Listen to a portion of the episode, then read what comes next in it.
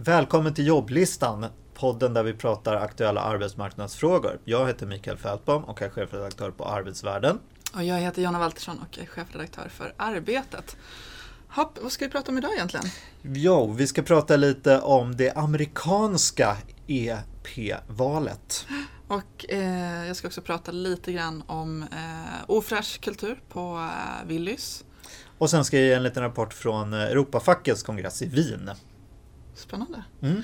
Eh, ha, vad, vad är din spaning efter EU-valet? Jo, men, ja, ja, eh, min tanke är så här. Mm. Eh, de som går fram i det här valet, det är ju liberaler och gröna i en sån här EU-vänlig mitt och sen mm. är det radikalhögerpartierna på en EU-fientlig högerkant. Mm. Jag tycker att det liknar lite grann den amerikanska utvecklingen med ett centristiskt demokraterna, även om det finns minoriteter som börjar göra sig hörda nu som drar mer åt vänster.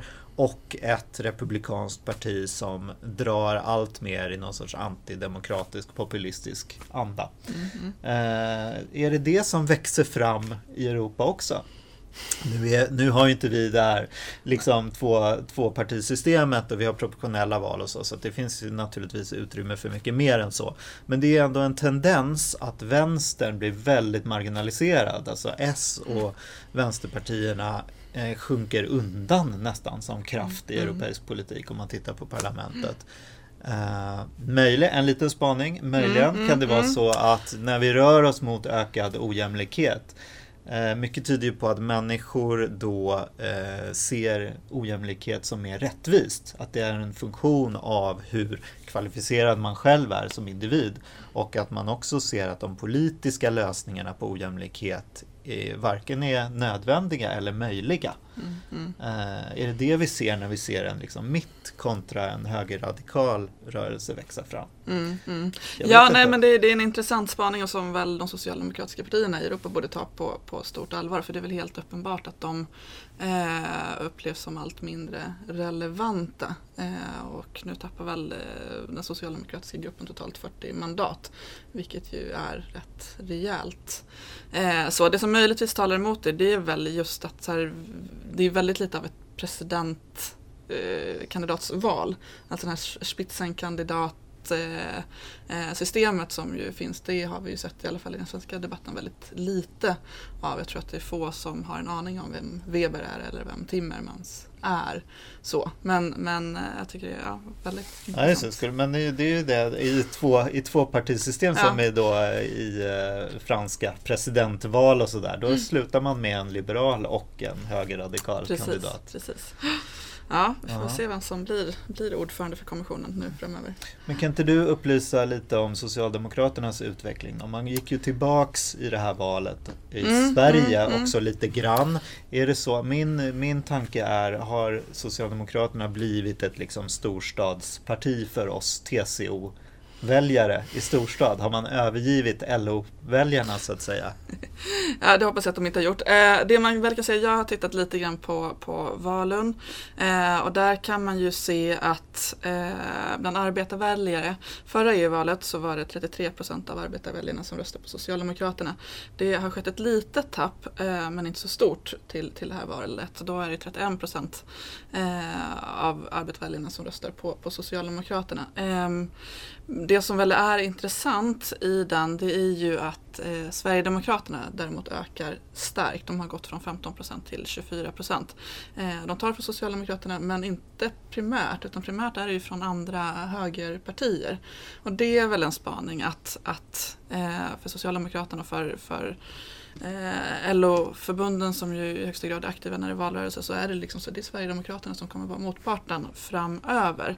Eh, så. Sen så apropå storstad, småstad så är väl min spaning också att eh, slaget kommer stå mycket kring bruksorterna framöver. Nu är jag lite specialintresserad av Dalarna eftersom jag kommer därifrån. Eh, men där finns det ju då siffror som visar att ja, men i Stallbacken utanför Ludvika, Särna utanför eh, Älvdalen så är det nu över 40 procent som, som röstar på Sverigedemokraterna. Det är liksom extremt höga siffror.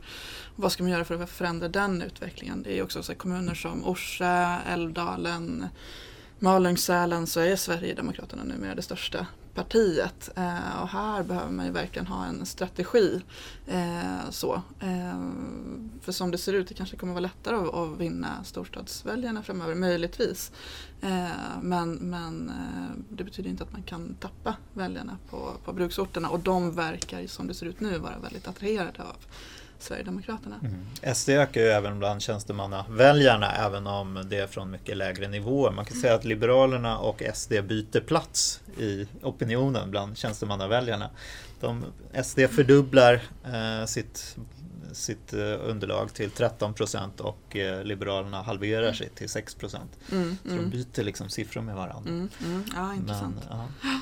Eh, men något som jag också tänkt på, för nu vi får ett nytt parlament, eh, ny mandatfördelning och så. Eh, det verkar som att det kommer bli svårare att, att driva fackliga frågor i EU. Det är i alla fall spaningen från Per Hilmersson som ju än så länge är internationell chef på TCO men som snart tillträder posten som vice generalsekreterare eh, för Europafacket. Och han eh, pekar just på det här att man måste hitta koalitioner i varje enskild fråga och det kommer göra det tuffare att, att driva eh, de här frågorna. Men eh, han har Just ju... det, han, jag var ju då när han blev vald här på, på Europafackets kongress i Wien och eh, en liten rapport skulle väl kunna gå ut på att man är ju lite orolig nu kanske för en ny kommission som kommer in. Man var ju ännu mer orolig inför valet naturligtvis mm, om mm. högerradikala krafter skulle öka än mer.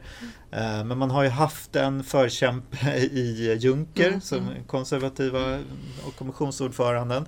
Och frågan är vem som kommer nu och hur kommissionen kommer ta vidare det här arbetet med den sociala pelaren. Mm, man har ju mm. också en arbetsmiljölagstiftning eh, framför sig och eh, även jämställdhetsstrategi och sådär. Mm. Lastbilschaufförerna kommer fortsätta eh, att tröskas i, i det, lagstiftningsträsket mm. också. Så att det är en fråga som är intressant framöver. Ja, så att eh, jag tror facket, eh, man tog ett program där man ville visa stor enighet då in, inför den här eh, situationen med det med att eh, man främjar, vill främja ett socialt protokoll och man vill främja investeringar i kollektiva varor som liksom infrastruktur och socialförsäkringar och så vidare. Så det är det man trycker hårt på då från mm, mm. Europafacket.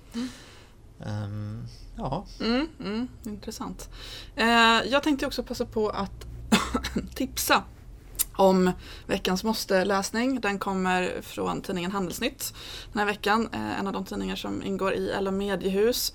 Och de har då kunnat eh, avslöja en rätt ordentligt ofräsch eh, kultur, chefskultur får man väl lov att säga, på matvarukedjan eh, Willys. Eh, det är bland annat anställda på en butik i Norrland som vittnar om hur de har kallats för spritfeta och lata.